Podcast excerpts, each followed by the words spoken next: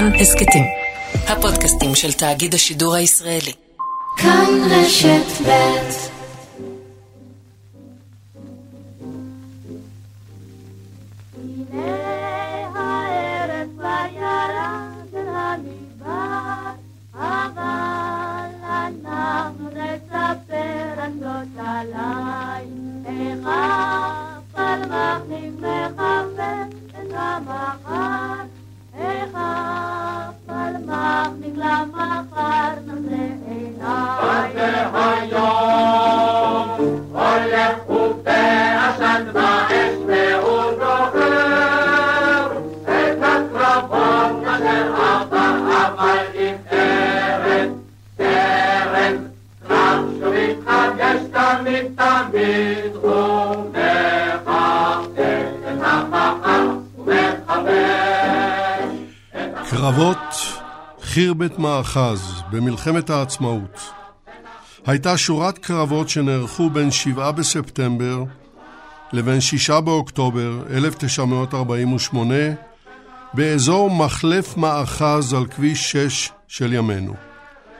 הקרבות התנהלו בין הגדוד הראשון של חטיבת יפתח לבין הצבא המצרי וערביי הר חברון. זה היה אחד הקרבות הראשונים שצה"ל ניהל באור יום וניצח. אחד ממפקדי הכוח המצרי שכשל שם היה גמל עבדול נאסר. קרבות חירבת מאחז היו קרבות מפתח בדרך לשחרור הנגב. פחות משבועיים מאוחר יותר, עם תחילת מבצע יואב ב-15 באוקטובר 48.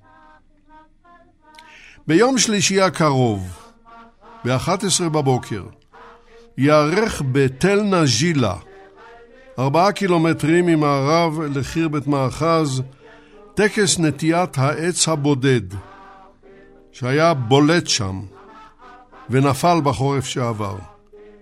ויש לחדשו. בואו לטקס, קודם כל. אבל החלטנו על כן להקדיש משדר לנושא, וזאת נעשה הבוקר. קרבות חירבת מאחז ב-1948. מביאים לשידור יגאל בוטון וחדווה אלמוג. ניתוב השידור והפקתו בידי ליטל אטיאס. אני יצחק נוי. נצא לדרך.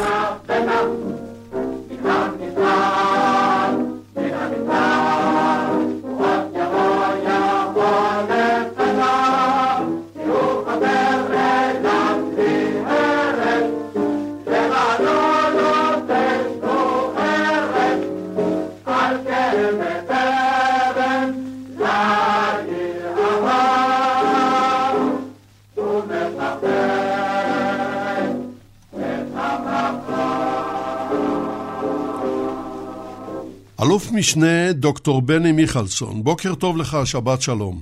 שבת שלום. דוקטור מיכלסון הוא יושב ראש העמותה הישראלית להיסטוריה צבאית, ובעברו ראש מחלקת היסטוריה של צה"ל.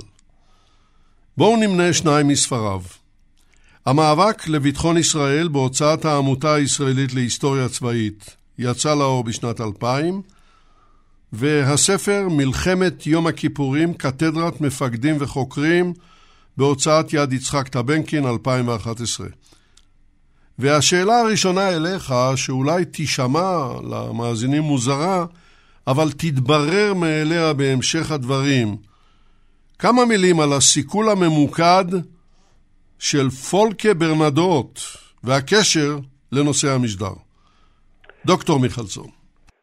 בוקר טוב. אה, ב-17 בספטמבר 1948 חוליה של הלח"י חיסלה את מתווך האו"ם לסכסוך בארץ ישראל, הרוזן פולקה ברנדוט. פולקה ברנדוט, שהיה המתווך פה, הוא היה גם אבי אה, ההפוגה השנייה שנכנסה לתוקפה ב-19 ביולי 1948, ובעקבותיה בעצם היו צריכים להיפסק הקרבות בין צה"ל לבין אה, אה, הצבא המצרי באזור הדרום, אבל הוא בא ואמר, תראו, הצבא המצרי בעצם ניתק את הנגב ממדינת ישראל, ולכן הנגב, אני ממליץ, בניגוד להחלטת הכ"ט בנובמבר 1947, פשוט אה, לא להכליל אותו בגבולות מדינת ישראל המיועדת ולתת אותו למדינות ערב, בעיקר לירדן ולמצרים. אה, עכשיו, כאשר הוא אה, חוסל, בעצם ההצעה הזו שלו, שהייתה מונחת על שולחן ועדת הביטחון של האומות המאוחדות, הפכה בעצם לצוואה. וגם משה שרת וגם שר החוץ שלנו וגם בן גוריון ראש המדינה חששו מאוד מאוד שהדבר הזה יהפוך בעצם לניסיון של אה, האו"ם לכפות על מדינת ישראל הצעירה בעצם לוותר על הנגב.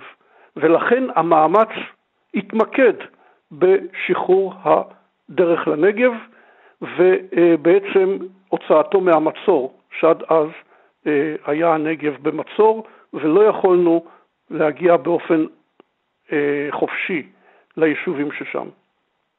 כן, והקשר לקרבות אה, חירבת מאחז? שזאת הייתה המערכה הראשונה בעצם לביסוס שליטתנו בנגב והיכולת שלנו לקראת מבצע יואב, כי כבר התחילו ההכנות לפריצת הדרך לנגב, לפתוח את הדרך ממרכז הארץ לנגב. כן, דוקטור מיכלסון, תודה רבה לך. אנא יישאר איתנו על הקו, כי רק התחלנו את השידור. אני רוצה לעבור ל... לעד השני, והוא דוקטור יוסף דרור. בוקר טוב גם לך, שבת שלום. בוקר טוב. דוקטור דרור הוא גמלאי של האוניברסיטה העברית בירושלים. הוא לימד עשרות שנים בפקולטה לחקלאות ברחובות, כתב עשרות מאמרים מדעיים, בעיקר באנגלית, הוא פרסם לאחרונה את הספר הלחם המלא ובריאות האדם, שראה אור גם כן באנגלית בהוצאה המדעית שפרינגר בניו יורק, השנה. והשאלה אליך, קודם כל, אתה איש מדע, אבל אנחנו נשתמש בך קצת כהיסטוריון. המצב הכללי באותה העת של קרבות חירבת מאחז, המצב הכללי, דוקטור דרור. ובכן, אה, לפני 73 שנים ועוד יומיים גויסו כל תלמידי כדורי, 50 במספר, כיתה א' וב', י"א, י"ב, לגדוד הראשון של הפלמ"ח. ואיש לא שאל מישהו אם הוא רוצה להתגייס או לא, זו הייתה עובדה ואלה היו נסיבות העיתים. ועם הגדוד הראשון של הפלמ"ח, כיתה ב', י"ב, כבר השתתפה בקרבות משמר הנגב, במשמר העמק, ואנחנו האליפים השתתפנו בקרבות הגדוד הראשון החל מקרבות מלכיה, עבור לקרבות המרכז, אה, מבצע דני, אה, בהמשך אה, מבצע גיס, הסתננות לנגב, החזקת הנגב, והגענו גם לקרבות חירבת מחז, ששם נתנו חלק לא גדול אבל משמעותי בקרבות. אה, הגדוד הראשון אה, נחל הצלחות אסטרטגיות, הצלחות אסטרטגיות רבות לפני שירד למרכז הארץ, בטירת צבי, במשמר העמק, עדיפת הדרוזים ברמת יוחנן, פיצוץ השיירה בקריית מוצקין, וקרבות מלכיה. בתום הקרב, הקרב השני של מלכיה, יגאל אלון שהיה מפקד החטיבה, רצה לנצל את ההצלחה, אבל תחת זה בן גוריון הורה לו להשאיר את כל הנשק האישי, הרובים והמקלעים בראש פינה, ולרדת לא, חטיבה לא חמושה למרכז הארץ. יגאל אלון חרק ודאי שיניים, אבל uh, ביצע את המשימה. והגדוד הראשון, uh, יחד עם השלישי, נתקע בצומת רעננה עד שהפיקוד העליון יחליט מה לעשות עם החטיבה הזאת, שלא היה לה נשק, והאונייה רקס, שאמורה הייתה להביא עשרת אלפים רובים ושלושה עשר אלף מקלעים לתל אביב, uh, נאלצה לצאת באור יום לים כדי להימלט מהספיטפיירים המצריים, וכך החטיבה נותרה כמה ימים ללא נשק. אמור לי, דוקטור דרור, בן כמה היית אז? אה, באיזה תאריך, אבל 16 ומשהו. אבל אה, אה, היו עוד אנשים בגילי, וביניהם כאלה שנפלו בגילי, פחות או יותר, וזה היה המצב. הכורח, הכורח לגייס את התלמידים בכדורי היה כל כך גדול, גם בגלל זה שהיה בית ספר של המנדט, וגם בגלל המקום האסטרטגי של כדורי, לאורך הדרך היחידה שהוליכה מעפולה צפונה, הכריח את, את הפיקוד האגדה לבצע את המצב הזה. כן, אז אנא יישאר איתנו על הקו, דוקטור דרור.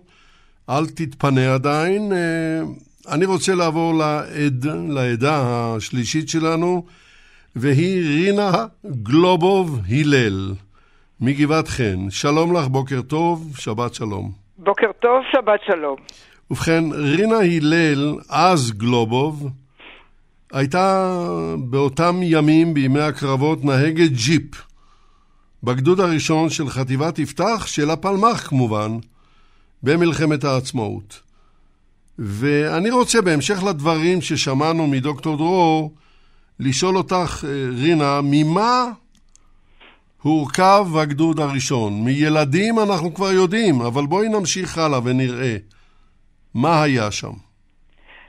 הגדוד הראשון היה מורכב מהכשרות שהחזון שלהם היה להיות בקיבוץ, ללמוד את, החבר... את השיתוף פעולה ולהקים קיבוצים ברחבי הארץ. זה היה אז הדגל. ולכן היה מורכב מהכשרות הכשרות, שבהם גם לבנות היה חלק גדול.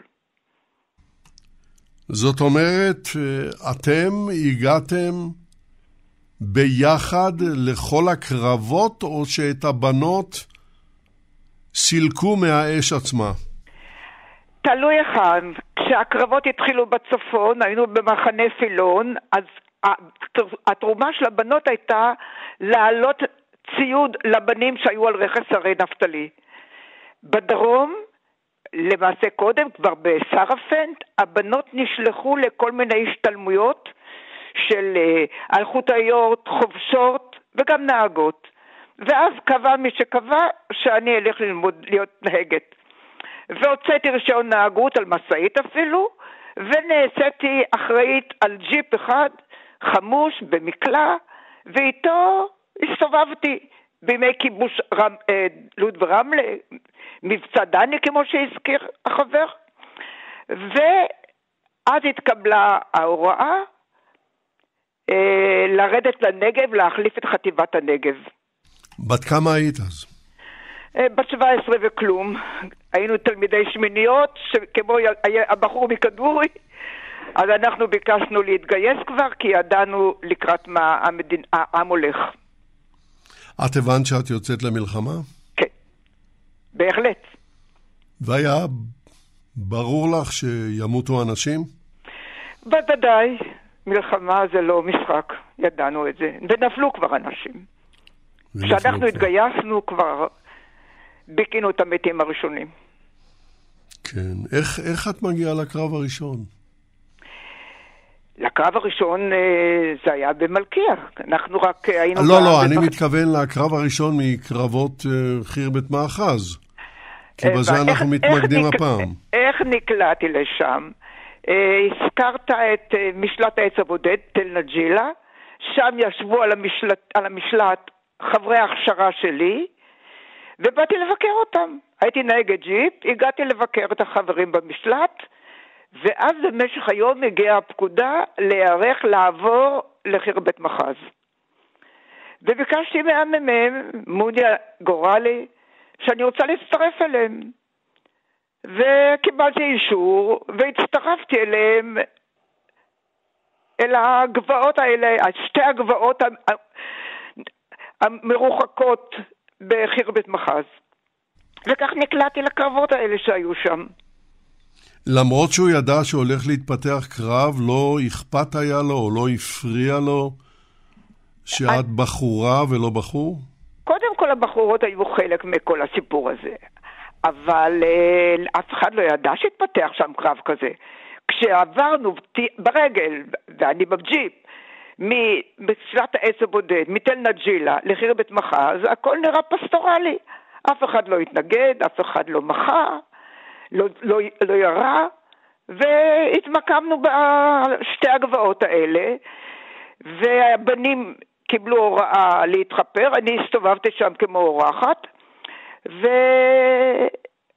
לעת ערב התחילו צליפות כדורים מסביב, ישנתי שם, ובבוקר באמת אמרו לי, רינה להתפנות.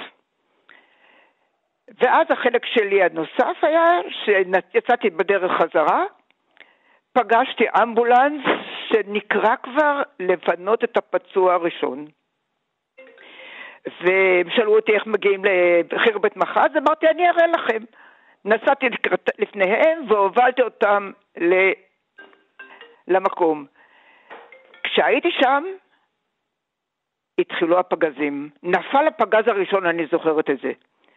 כל המטרה שלי בכל הביקור ובכל הליווי היה חבר שהיה לי אז מהכשרה, שהיה סגן המ"מ, יונתן לוינסון, טוטו, וכשפינו את הפצוע לאמבולנס, אני ראיתי אותו פעם אחרונה, כן, יצאנו... אנחנו נדבר, אנחנו נדבר על החבר שלך בסדר, יצאנו חזרה, זה היה חלקי בקרבות של חירבת מחז. ברור. יותר ברור. לא הגעתי לשם, כבר זה היה מסוכן לבנות. ברור, ברור. טוב, אני חוזר אליך, אה, דוקטור בני מיכלסון. אנחנו דיברנו על הסיכול הממוקד של ברנדות, וזו באמת נקודה מפתיעה שחייבים לחשוב עליה. הוא הרי ביקש, האיש הזה, ש... איך אני אומר בעדינות? אה, בן גוריון ידע יפה מאוד מי חיסל אותו, אלא היו אנשי לח"י, ובן גוריון לא הזיל דמעה מיותרת. כי uh, הרבה אהבה ל, לרעיון של המדינה היהודית לא הייתה באיש הזה. אבל uh, נעזוב את זה, אני רוצה לעבור הלאה, אחרי זה, להקמת חזית הדרום עצמה. שבא ביחד ובעקבות עם הקרב כן. הזה שאנחנו מדברים עליו. בבקשה. אוקיי, אה, אנחנו מדברים על קרבות חירבת מחז, שזאת המערכה הראשונה של חזית הדרום במלחמת העצמאות בעצם. בתחילת אוגוסט יש החלטה במטה הכללי לעבור למבנה של חזיתות בין המטכ"ל לחטיבות, וזה אה, לקח מחזית ירושלים בפיקודו של אה, דוד מרקוס אה, במערכה על ירושלים, ששם אגב יגאל אלון הוא סגנו, ויגאל אלון מתמנה למפקד חזית הדרום. הבעיה, הבעיה העיקרית שלו, ובעצם המטרה העיקרית שלו, היא לתכנן את פתיחת הדרך לנגב. והוא מתחיל את ההכנות. הדבר הראשון שהוא עושה הוא יודע שחטיבת הנגב, חטיבה 12, היא כבר מותשת מהמלחמה שהייתה עד אז, והוא חייב להחליף אותה, ואז הוא מביא את חטיבת יפתח, החטיבה שבעצם נקראת על שמו, יגאל אה, פייקוביץ' תל חי, זה יפתח, והוא מחליף אותם, אבל איך? באותו, באותם זמנים, באוגוסט 1948, להק תובלה אווירית, גוף תובלה של חיל האוויר, שזה עתה מוקם, שעוסק בהעברת הנשק והמטוסים מצ'כוסטובקיה לארץ, בעצם מסיים שם את משימתו, מגיע לארץ, והרעיון, וזה אחד הרעיונות הגדולים בתולדות צה"ל, זה להפעיל אותו בהחלפת החטיבות בנגב. כיוון שאי אפשר לנסוע ב, אה, בשיירות בכביש הראשי, כי כפי שאמרנו, המצרים חותכים את הנגב מאזור מג'דל אשקלון של היום לעבר פלוג'ה, קריית גת של היום ובית ג'וברין והר חברון, אז הרעיון הוא להעביר בדרך האוויר חטיבה, ובאותה תקופה זה מדובר מעל 5,000 איש, עם ציוד ותחמושת וכל מה שאפשר, ולהחליף את החטיבות בנגב. והדבר הזה מתחיל בשלהי חודש אוגוסט. במחצית חודש אוגוסט, למעשה ב-25 לאוגוסט, מתחילה חזית הדרום לעבוד מהמפקדה העיקרית שלה בגדרה ומפעילה את המבצע הזה שנמשך כחודשיים. המנחת הוא מנחת ברוחמה, רוחמה מספר קילומטר מזרחית, אה, מערבית לאזור חירבת מחז, ואז המצרים אומרים, רגע, רגע, רגע, זאת הפרה של ההפוגה. מה פתאום היהודים מעבירים כוחות וכל זה? אמרנו שלא עושים שום דבר, והם מתחילים לגלות כוונות של אה, ריכוז כוחות ואיום על שדה התעופה ברוחמה מצד אחד, ומצד שני הדרך, שהיום היא כביש 6 מקריית גת לבאר שבע ואז מפלוג'ה לבאר שבע, שבכוחותינו זה מקונטרה, בעצם תל קונטרה שמה, או למעשה מפלוג'ה דרך תל קונטרה לאזור שובל, אה, לאיים על הדרך הזו מצד אחד ועל המנחת מהצד השני. חטיבת יפתח, שזה עתה יורדת לנגב, מיד נערכת ותופסת את הטילים שנמצאים מצפון וממזרח למנחת ברוחמה, ואני מדבר על תל חסי, תל קונטרה, תל נג'ילה, תל מלכה. אבל בוא נבהיר, אתה מדבר על טילים מהמילה תל ולא מהמילה טיל, שיהיה ברור. בוודאי, מהמילה תל בתף. זהו. זהו, ותל נג'ילה הוא באמת uh, אחד הטילים ב, בחגורה הזו של הטילים שנמצאים uh, ממזרח ומצפון למנחת רוחמה, וגם בעצם לאבטח ולהגן על כל המבצע הזה שנקרא מבצע אבק של החלפת החטיבות בנגב. אגב, אחד המבצעים האוויר, המונחתים מהאוויר הגדולים ביותר בתולדות צה"ל, בכלל, עד היום. ובאחד הימים, כאשר אה, רפי איתן, קמ"ן גדוד אה, העמק, נוסע משובל לתל קונטרה, הוא מגלה שהמצרים מתקרבים ומניחים מוקשים על מנת להקשות על התנועה שמה ולצמצם את הטווחים לעבר המנחת ברוחמה. מיד uh, uh, הוא מדווח על כך, קמ"ן החטיבה שהוא גנדי אה, הולך לקצינה, גם הח... לקמב"ץ החטיבה, ואנחנו עוד נדבר בהמשך מי זה האנשים. אבל רגע, לפני זה, לטובת המאזינים, כן. אני רוצה קודם כל להעיר הערה עקרונית, ואז לשאול אותך שאלה. המסגרת הארגונית הגדולה ביותר במלחמת העצמאות הייתה חטיבה. כמו שאתה ציינת, כחמשת אלפים לוחמים ואנשי מפקדה וכן הלאה. מה זה קמ"ן? קמ"ן זה קצין מודיעין. ומה שאנחנו רואים שבעצם החטיבה, החזית שהופכת להיות עכשיו ארגון גג של מספר חטיבות, מה שנקרא מפקדה משימתית מבצעית, כמו שהיו האוגדות המשימתיות אחר כך בצה"ל, שכמו שאמרתי מתמקמת בגדרה, המפקד הוא יגאל אלון, אבל קצין המבצעים, וקצין המבצעים במלחמת העצמאות הוא במונח האמריקאי של ה-executive officer, לא קמב"ץ כמו שאנחנו מדברים היום, זה אגב בכל הרמות, גם בחטיבה וגם בגדוד, למעשה מספר שתיים אה, בהיררכיית הפיקוד, שהוא שילוב של מה שהיום היינו אומרים סגן, ראש מטה וקצין אג"ם גם יחד, והקמב"ץ שלו, קצין המבצעים שלו הוא יצחק רבין, ואילו בחטיבת יפתח, החטיבה שירדה לנגב, אה, מול הכהן הוא המפקד, הקמב"ץ הוא אה, אה, משה קלמן שעוד נדבר עליו, הקמ"ן הוא גנדי, וכאשר גנדי מקבל את הדיווח הזה מרפי איתן, קצין המודיעין, כן, הם מיד מחליטים שצריך לתפוס את אזור חירבת מחז, כי הוא נמצא ממזרח לכביש שמוביל מפלוג'ה לבאר שבע, ועל מנת לא לאפשר למצרים לצמצם את הטווח ולתפוס את השטחים השולטים לעבר מדחת רוחמה.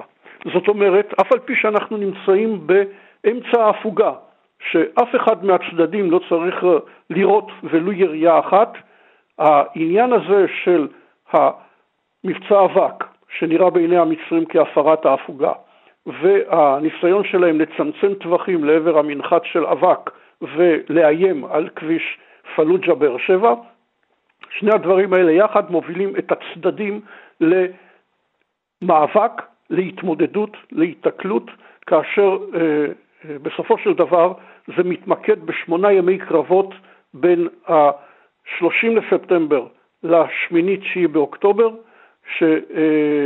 שבקרבות האלה על חירבת מחז זאת המערכה הראשונה של חזית הדרום. עכשיו, למה יש לזה משמעות? כי זו פעם ראשונה שחזית הדרום בעצם מפעילה כוח של שיתוף פעולה ושילוב בין זרועי. חיל האוויר מופעל, ארטילריה, שריון, הנדסה ואחיר, כולם יחד למטרה אחת ושתי חטיבות, בנוסף לחטיבת יפתח שנמצאת כבר בנגב והיא בעצם נושאת בעול אה, העיקרי של המערכה בית מחז, יחד עם אה, כמובן קודם כל גדוד אחד, הגדוד של אסף שמחוני, שהוא המג"ד שלו, אז מפעילים גם את חטיבת גבעתי, שבעצם תוקפת מצפון את אזור פלוג'ה, על מנת לא לאפשר או לסייע להחזקה של כל המערך של חטיבת יפתח. זאת אומרת, גם שתי חטיבות וגם כל החילות והזרועות שפעם ראשונה במערכה בפיקוד חזיתי למטרה ממוקדת, כמו שיגאל אלון למד ממרקוס אה, בחירבת מחז. ולכן טוב. יש לזה חשיבות מאוד גדולה. בהחלט. כי בסוף שמונה הימים האלה השטח נשאר בידינו.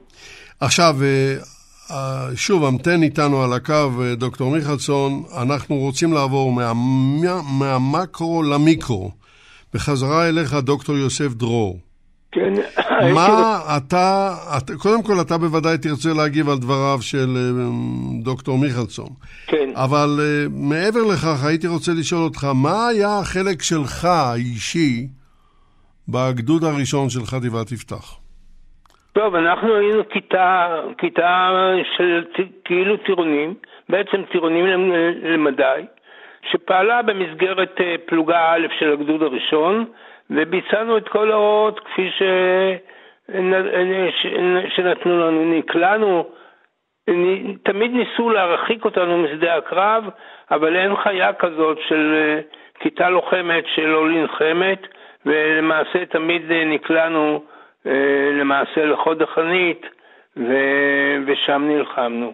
זה קרה גם במלכיה וקרה גם בחירבת מחז. אה, אני רוצה לה... להעיר כמה הערות. הגדוד הראשון תראי. מגיע.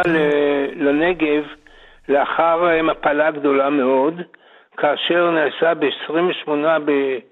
ביולי ניסיון של חמש, ארבע חטיבות לפרוץ את הדרך לנגב, ומשום מה מפקד הגדוד איתיאל עמיחי פקודת נסיגה אווילית, גם בלי אישור של הדרג הממונה וגם ללא כל סיבה, והמבצע נכשל כישלון חרוץ, ובאותו לילה הוא מודח, הוא מוחלף על ידי אסף שמחוני.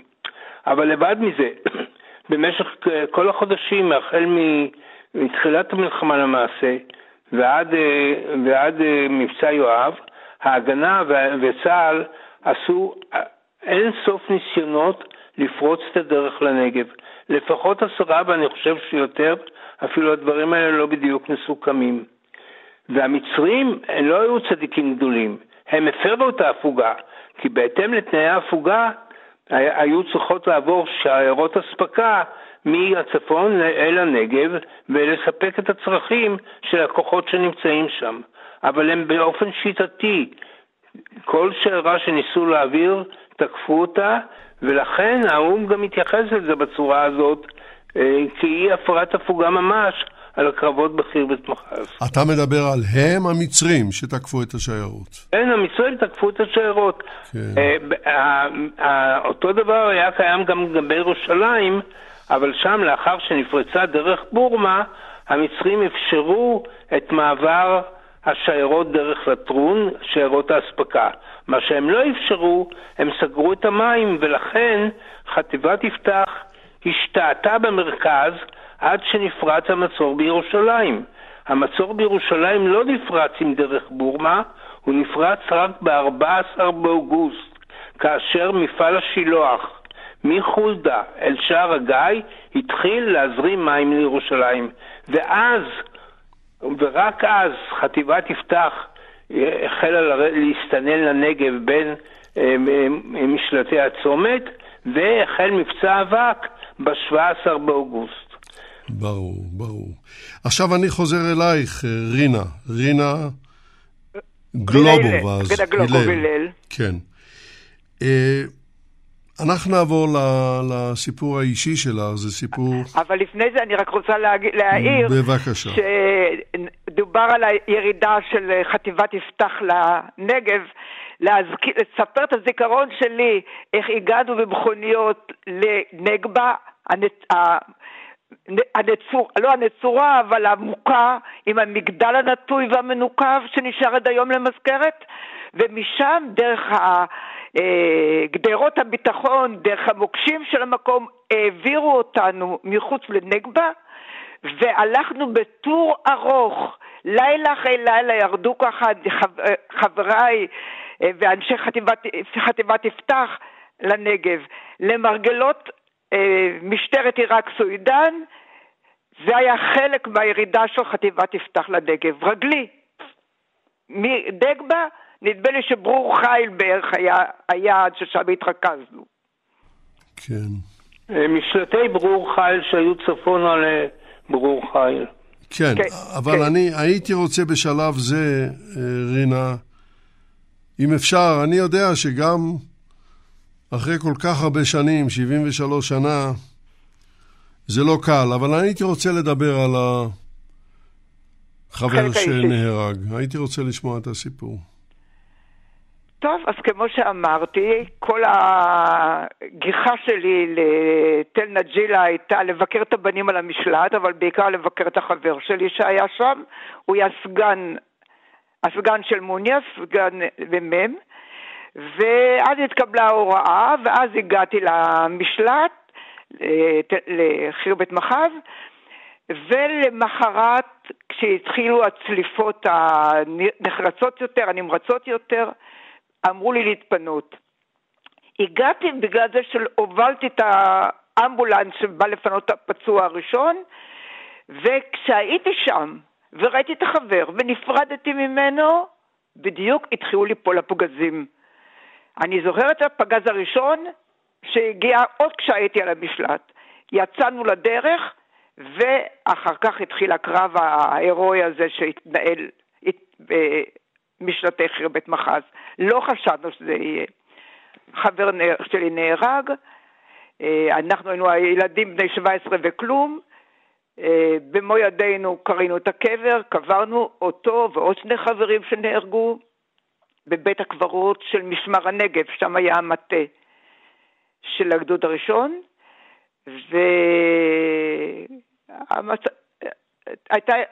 והיה בכי גדול והתרגשות גדולה וכאב גדול, וזה חלק מהמחיר הגדול של המלחמה הזאת, של מלחמת השחרור. אה, אני חושבת, סיום, לסיום דבריי, אה, אחרי שהמצור נפרץ, ואחרי שהגדוד הראשון עלה מהנגב לבית דרס, הגעתי לבקר את ההורים של יונתן, נוצר קשר, ואז יום אחד הם הופיעו למחנה, אני לא יודעת, מי תיווך, מי קבע, מי לא יודעת, אבל קיבלתי את ההוראה לקחת את שני ההורים האלה, לפקוד את הקבר של הבן שלהם במשמר הנגב. ואני זוכרת, ילדה בת 17 ומשהו, עם שני הורים אבלים וכואבים, נוסעת במרחבי הנגב המשוחרר, ומגיעה למשמר הנגב ומלווה אותם בסיטואציה הכל כך קשה הזאת. כשאת חושבת על זה היום, לא עולה בדעתך ש... איך להגיד את זה? אולי הייתם יותר מדי צעירים לדברים האלה? היינו צעירים, נכון, היינו צעירים, מה לעשות? זה מה היה צו, צו השעה. היינו תלמידים, כמו שסיפר החבר השני, היינו עדיין תלמידי תיכון, וביקשנו להקדים את בחירות הבגרות כדי שנוכל להתגייס. המצב היה מאוד מאוד אה, דרמטי אז, ורוב הצעירים אז התגייסו. חלום שלי, הייתי בת מושב, להגיע לפלמ"ח. אבל זה במקרה, הגעתי לקבוצה הזאת, לחבורה הזאת, בלי שהכרתי אף אחד קודם, זרה לגמרי. כן. טוב, אה, המתיני איתנו שוב על הקו, אני חוזר אליך, אלוף משנה דוקטור בני מיכלסון. קרב חירבת מאחז הוא גם, איך אומרים בלשון צבאית, אני לא איש צבא, אבל אני מנסה. קרב השין בשין הראשון, אתה יכול אה, לפתח את זה בכמה מילים? כן, אה, נאמר ככה, בחירבת מחז אנחנו מדברים קודם כל על שתי התקפות מצריות רציניות. האחת, הראשונה, אגב, כאשר כובשים את חירבת מאחז, בעצם אה, הגדוד הראשון משתלט על חירבת מאחז, וההערכה היא שהמצרים לא ייחסו חשיבות גדולה מדי לחירבת מאחז הזאת, כי בעצם זה לא היה אחד הטילים, אבל אומנם זה היה שטח שולט גלי כזה ממזרח לכביש, חשבו לא ייתנו לזה שום משמעות מיוחדת, ולכן שמים שם מחלקה, אותה מחלקה שבסוף אה, אה, הגברת אמרה שהחבר שלה נהרג שם, אבל אה, לא, לא חושבים שהמצרים בכלל יתייחסו לזה כמו שצריך. אבל המצרים, כאשר אה, ערביי הסביבה מודיעים למח"ט ארבע שיושב בפלוג'ה על העניין, הוא מיד מורה לכוח הקל, מה שנקרא, זה היה אה, כמה מאות ערבים מהר חברון, אה, לתקוף ולפנות את המחלקה הזו. הם מנסים לתקוף, לא מצליחים, ואז הוא אומר, חבר'ה, תסלקו לי משם את היהודים כי הם מאיימים על הכביש הראשי פלוג'ה באר שבע. ואז קמב"ץ הגדוד השישי של אה, המצרים, עבד אל-נאצר, מרכז כוח סדיר של אה, שתי פלוגות עם הערבים המקומיים, תוקף את המחלקה הזו וכובש מחדש את, ה, אה, אה, את חירבת מחז. אז אסף שמחוני מביא את חכה, יצחק חופי, פלוגה א', לכבוש מחדש. אה, אגב, המצרים גם אומרים, כבשנו, יופי, נהדר, עכשיו אפשר להשאיר שם חיילים מק... אה, ערבים מקומיים, לא צריך להשאיר את הצבא הסדיר, והכוח מגדוד 6 אה, חוזר למתחם שלו בפלוג'ה. ואז פלוגה א' של חכה כובשת מחדש את חירבת מאחז מידי המצרים. המצרים מחליטים לעשות התקפה רצינית מאוד, והם שולחים את מי שהיה אמור להיות מג"ד, נורדין אל-עטסי, לימים אחד הסגנים הכי אה, רציניים של נאצר, שחשבו שהוא יחליף אותו לאחר שהוא אה, נפטר ולא סאדאת. הוא אה, מרכז צוות קרב גדודי של כוחות סדירים עם טנקים, טנקים קלים של אז, מרק 6 הבריטי, עם שריוניות המבר, שריוניות מצוינות בריטיות עם תותח 37 מילימטר. אה, נושאות ברן שעוזרות לחי"ר לשאת את כל הציוד, התחמושת, הנשק וכל אה, אה, הכוח הזה הולך עם ארטילריה, בעיקר מרגמות 120 מילימטר, לתקוף שוב את המחלקה שלנו שבחירבת מחז, הפעם מפלוגה א', הפלוגה של חכה. אגב, באותו זמן גם המג"ד, גם המח"ט, גם המ"פ, כולם משתמשים בתל נג'ילה כמוצב פיקוד קדמי, למעשה חפ"ק, שממנו אפשר לצפות על חירבת מחז ועל הקרבות שם. אבל בינתיים יש לנו גם תרומה מאוד גדולה של המודיעין. זאת אומרת, יש פה אלמנט נוסף שנכנס לקו המשולב, זאת מחלקת האזנה ניידת של המודיעין בחטיבת יפתח, אשר מאזינה לרשתות המצריות ואומרות מה הם מתכוונים לעשות. ואז מחליט המח"ט, להביא את יחידת השריון. באותה תקופה בכל חטיבת חי"ר החליטו להקים יחידת שריון, בחטיבת אה, יפתח מקימים יחידת שריון. ממה היא הייתה מורכבת? קודם כל הוא הייתה בפיקודו של עוזי מאירסון. עוזי מאירסון מגיע עם החטיבה לנגב, ושמה, כאשר העלו את חטיבת הנגב לצפון, השאירו את הנשק במקום, וגדוד תשע, שהוקם כגדוד פשיטה, היה לו שריוניות, זחלמים ועוד כל מיני כלים והרבה מאוד ג'יפים, כי זה אה, הוקם כגדוד פשיטה. וגדוד תשע עלה עם החיילים, אבל השאיר את הרכב, הרקם והנשק בדרום. ואז יחידת השריון של חטיבת יפתח, בפיקודו של עוזי מאירסון, הופכת אה, להיות בעצם יחידת שריון שאפשר לנייד אותה ולהביא אותה ליחיד, למקום שצריך. הם יודעים שההתקפה המצרית מתממשת ובאה, ואז מציעים אנשי התותחנים דווקא של אה, החטיבה להעלות תותח 20 מילימטר או שני תותחים 20 מילימטר, שזה היה תותחים מאוד יעילים במלחמת העצמאות. רגע, רגע, רגע, אלוף משנה מיכלסון, כן. תותח כן. 20 מילימטר כן, כנשק תקופה, נגד שריון? כן, באותה תקופה אה, תותחי 20 מילימטר, תותחי נ"מ, שיהיו גם תותחי מטוסים, היה להם כלים חודרי שריון, והם אה, אה, באותה תקופה השתמשו למשל הרבה מאוד נגד טנקים במטוסים שתקפו טנקים עם תותחי 20 מילימטר.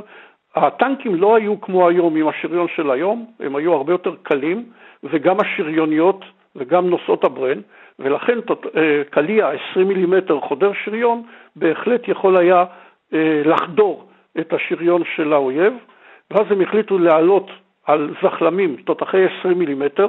הבעיה הייתה שזה היה אילתור, ולכן הם כיוונו את הקנה אל הפתח האחורי של הזחלם, ומה שנקרא ריתקו אותו לקרקע עם שקי חול בתוך הזחלם, עיגנו אותו לרצפת הזחלם, על מנת שמהרטע אה, לא יעשה נזק ואפשר יהיה לכוון אותו.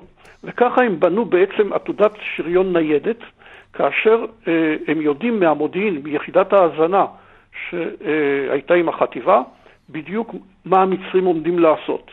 המתינו בעמדות, מה שנקרא, אה, מוסתרות, וכאשר ההתקפה של נור א-דין אל-עטאסי אמנם הצליחה, אבל אחר כך באה לקבל תגבורת עם אה, כוח שריון אה, נוסף של המצרים, הזחל"ם עלה לעמדה, ירה, פגע בשריונית ופוצץ אותה, שריונית מצרית, אחר כך החליף עמדות, ירה, פגע בנושאת ברן שהייתה עם תחמושת ופוצץ גם אותה. החי"ר המצרי ראה את השריונים, את השריון שלו בעצם עולה באש והתחיל בנסיגה. והדבר הזה בסופו של דבר, ואני מדבר על השמיני לאוקטובר כבר, הכריע את הקרב האחרון, וככה המשלטים נשארו בידינו. ברור. אני רוצה לציין שדבר דומה עשה בן דונקלמן במבצע דקל עוד קודם בכיבוש נצרת. אבל מבחינת חזית הדרום זה היה קרב השריון בשריון, אפשר לומר, הראשון בנגב. אחר כך עשו עוד הרבה דברים כאלה, גם במבצע חורב וגם ברור, במבצע ברור, אסף. אבל זה, זה כבר כן, סיפור אבל, לעצמו. אבל מבחינת הקרבות, שוב אני מציין, פעם ראשונה אנחנו רואים את הפעלת, טוב. מה שנקרא המוח היצירתי בהפעלת תותחים עם זחלמים כנגד השריון המצרי. תודה רבה לך. אני רוצה להעיר פה משהו שפשוט... רגע, אה, אני, אני פונה אליך. קודם כל יש לי... אתה רוצה להעיר, דוקטור דרור, בבקשה, תעיר. אבל אחר כך אני רוצה לשאול אותך... ובכן, התותחנים האלה, שכאילו סופחו לפלוגה של עוזי מאירסון, לא היו קשורים אליו בכלל, ועוזי מאירסון אימץ לעצמו את ההצלחה הזאת בצורה... טוב, זה לא משנה. הדברים האלה באמת לא משנים, אה, דוקטור דרור. עיקרו של דבר... רגע, הג... לי רק רגע. הייתה פלגה של שני אבטרקים, שני זכלים, עם 20 מילימטר בגבים, תחת פיקודו של אה, פון וייזל, שאימן אותם בצורה יוצאת מן הכלל, והפלגה הזאת נשלחה תחת פיקוד לסייע בחירבת מחס. בשלב מסוים סיקו, אה, פרופסור פנחס זוסמן, שהיה המ"פ ופיקד על כל הקרב, החליט שזה הזמן להכניס אותם לפעולה. עוזי מרסון והפלוגה שלו לא היה להם כוח אש, והם לא עשו דבר בעניין הזה, ואותו זחל"ם, שהיה מורכב מאנשי גח"ל, ופה השמיטו את חלקם בצורה ממש לא, לא נעימה, והכניסו להיסטוריה טעות אה, גדולה מאוד, אפילו מינו בפלוגה של עוזי מרסון אנשים שישבו על הזחלים האלה ולא היה ולא נברא. אני בדקתי את זה בשעתו לפני כ-20 שנה. את הוויכוחים ננהל בהזדמנות אחרת, אה, דוקטור דרור. בעיקרו של דבר... שני הזחלים האלה אה, נשלחו על ידי... בוא, בוא נוותר על החלק הזה, כי הדברים האלה אכן בפועל פעלו, כמו שאמר דוקטור בני מיכלסון. אז בוא נ... רק הערה, אפשר? רגע, רגע, מיד אני אתן לך להיכנס, כי אני רציתי לבקש ממך... את שני הזחלים. אה, לתקוף את השריוניות המצריות. לא, לא, לא, לא, לא. אני הייתי רוצה בשלב זה לעבור באמת מהמקרו למיקרו. דוקטור דרור, אנחנו יודעים אה, מהצבא האמריקני, מסיפורים, שכשנהרגו חיילים היו צריכים למלא חיילים חדשים, והוותיקים לא רצו להתיידד איתם, כי הם ידעו שאם הם יתיידדו איתם והם יהרגו בקרב, אז הם יאבדו חבר. מה קורה אצלנו? אתה גם איבדת חברים, הלא כן? Uh, כן, תראה, uh, למעשה, כאשר הרי מת, מתחלקת לשלושה קרבות, ואם אני אעבור לשלישי, אז, אז שם המצב הוא מאוד מוזר. חלק גדול מ-45 אנשים בערך שישבו בחירבת מחז היו תלמידי כדורי. אנחנו ישבנו בצד הדרומי, במדרון האחורי, הבטניקים ישבו במסדרון הקדמי, והכשרת בית השיטה ישבה במש... במשלט המערבי. אה, לא, לא, היו, לא, לא היו פה, לא, לא הספיקו להיות כל קונפליקטים. רצף המאורעות היה כל כך גדול, כל כך צפוף, שלא הספיקו להיות כל קונפליקטים בין השכבות השונות. וכל אחד עשה את חלקו כמיטב יכולתו. אה, כך שהדבר הזה, אה, היה רק דבר אחד, בתחילת המערכה נטו לא לספר יותר מדי סיפורים לטירונים החדשים שרק באו, מפני שביטחון השדה היה לקוי מאוד והעברת האינפורמציה הייתה לקויה, זה היה הכל. בסיפור הזה, ההשוואה לצבא האמריקאי הוא, הוא, לא, הוא, לא, הוא לא קיים. כן, אבל uh, הסיפור האישי שלך. הסיפור האישי שלי, שאני הייתי בכיתה של, של, של אליפים, אנחנו איישנו uh, שמונה אנשים את המדרון האחורי של חירבת מחז. הם התחילו בתחילת הבוקר, ב-7 באוקטובר, התחילו בהפגזה עם מתנית, כנראה, כנראה, שמדרום לחירת מחז הם הושיבו, הושיבו גם קטק, קצין תצפית קדמי של התותחנים, כי אחרת הדברים לא מסתדרים. והקטק הזה ידע לכוון את הפצצות של, אה, של המרגמות, 4.2 אינץ', ושל התותחים 25 ליטראות בדייקנות די רבה, ולפי שתי עדויות, דווקא את האזור שלנו הפגיזו בעוצמה הרבה יותר גדולה מאשר מהאזורים האחרים. אלא מה? שאנחנו לפני כן התחפרנו, התחפרנו, התחפרנו עד כלות הנשמה, וכאשר היו לנו רק מקוש וטוריה, השתמשנו בקובעי הפלדה וכיסינו את המחפורות בדלתות ועליהן שכבת פיצוץ, ולכן בכל ההפגזות האלה לא נפגע מאיתנו ולא אדם אחד. פעם אחת פצצה מוטטה חלק ממחפורת אחת, אבל, אבל נזק לאנשים שם לא נגרם. זה היה פחות או יותר הסיפור שלנו. לאחר ההפגזה האימתנית בבוקר, שהם התחילו מהמדרון האחורי, הם שלחו פלוגה עם אה, פלוגה סדירה אה, של אה, חיילים מצריים מלווה בנושאי ברן, וניסו לתקוף אותנו, הדפנו אותם די בקלות, אבל ממזרח, לפי עדות של יאיר פרג המנוח, הצטופפו אלפי ערבים שבאו מהר חברון ובאו לבזוז, לבזוז, לבזוז שלל, כי ממש לוחמים הם לא היו. ברור, אבל דוקטור דרור, בוא נעזוב רגע את, ה... את הסיפור המקיף הצבאי הזה. אני רוצה לרדת ל... לרמה האינדיבידואלית. אתה לא איבדת חבר או שניים אה, בקרבות האלה. בוא, בוא נשמע על זה מילה או שתיים. זהו, לא הכרתי את רוב האנשים, אלא מה, בחלק הצפוני של המשלט הקדמי, המזרחי, שם, שם ישבו הבטניקים, לא יצא לי להיפגש איתם, מפני שהאש הייתה כל כך חזקה שלעבור את המרחק מהמדרון הקדמי למדרון, למדרון, מהמדרון האחורי לקדמי, 100 מטר, היה יותר טוב היום לנסוע לאנטרקטיקה והלוך וחזור.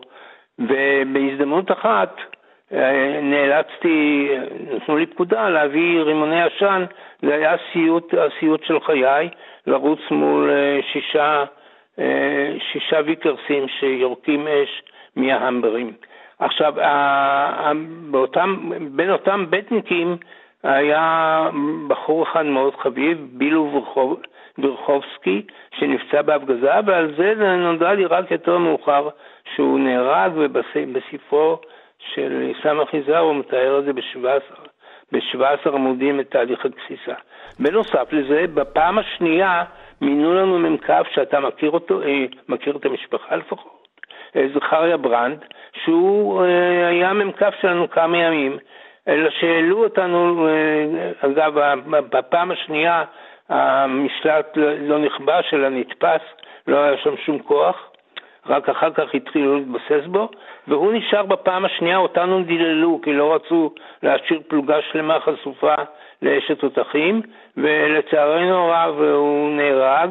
אה, לא הספקנו הרבה להכיר אותו, כי היה איזה שבוע או משהו כזה, כן, שהוא כן. שימש, אה, שימש מ"כ שלנו.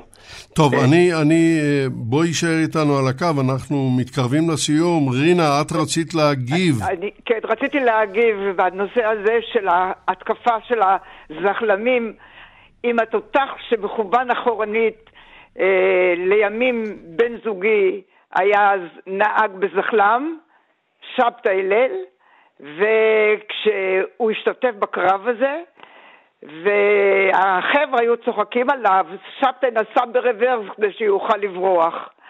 אבל הוא השתתף בקרב הזה, ואני זוכרת שנפגשנו, והוא אמר לי, נקמנו את נקמתו של טוטו. טוב, אפיזודה כן, קטנה. כן, אני רציתי לשאול אותך, אבל... אה, אה, רינה גלובוב, אם, אם תרשה לי, רק אה, את, את רינה לשאול שאלה, כי אנחנו קרבים לסיום. רינה, יד על הלב, האם הנוער של היום, לדעתך, את לא מחויבת כאן לכלום, אבל לדעתך, הנוער של היום היה עושה את אותן פעולות שאתם עשיתם אז? אתה יודע, אה, בשעתו היה מושג דור האספרסו, ואמרו, זה כבר לא דור, זה כבר דור אחר, הוא כבר לא יילחם כמו לוחמי מלחמת השחרור, ובאה מלחמת יום הכיפורים והוכיחה את מה שהוכיחה. אני חושבת שבשעות כאלה קשות שהיו, גם הנוער של היום היה נחלץ ועושה מה שעשינו. כי בבקשה לזכור, גם בתקופה שלי, לא כל חבריי התגייסו, גם אז היו חלק שלא לקחו חלק במאמץ. אז uh, אני בטוחה שגם הנוער של היום היה נחלץ אותו דבר למלחמת קיום של המדינה מה, שלנו. כן. מה היית מבקשת? אנחנו בשלב השאלה הזהה. מה היית מבקשת שהמאזינים ילמדו מהשידור? קודם כל שמלחמה זה דבר נורא, וצריך לעשות הכל כדי למנוע את הדברים האלה, ולזכור, כמו שכתב אה, אלתרמן בשירו הבלתי נשכח, וכמו שאמר חיים ויצמן בשעתו, מדינה לא ניתנת על מגע של כסף. והדור הזה, דור תש"ח, היה מגש הכסף שעליו ניתנה מדינת היהודים. תודה רבה לך, רינה גלובוב הלל. דוקטור יוסף דרור, צר לי, אבל uh, זה מה שנשאר לנו. מה היית מבקש שהמאזינים ילמדו מהשידור? דבר ראשון, שמי שנמצא בשטח מוכה ולא מתחפר, שם נפשו בכפו. דבר ראשון, שרפי החזון בממשלה, והיו הרבה הרבה שרים שהיו רפי חזון, הם מכה לעם היהודי ובסופו של דבר הורישו אה, אה, בכייה לדורות. תודה רבה, ש... תודה רבה גם לך, דוקטור יוסף דרור. מילה אחרונה שלך, אלוף משנה דוקטור בני מיכלסון. אני חושב שצריך לזכור מהקרב הזה שמפקדה משימתית שיכולה לעשות שיתוף פעולה ושילוב בין חילי ובין זרועי, גם כאשר הוא מאולתר וראשוני מביא את התוצאות המקוות כאשר הוא מכוון למטרה שאליה המפקדה הזו כוונה. תודה רבה, דוקטור בני מיכלסון. עד כאן לבוקר זה, קרבות חירבת מאחז במלחמת העצמאות. ערכו והביאו לשידור יגאל בוטון וחדווה אלמוג, ניתוב והפקה ליטל אטיאס. אני יצחק נוי, עמכם כאן גם בשעת השידור הקרובה. שמרו לנו אמונים.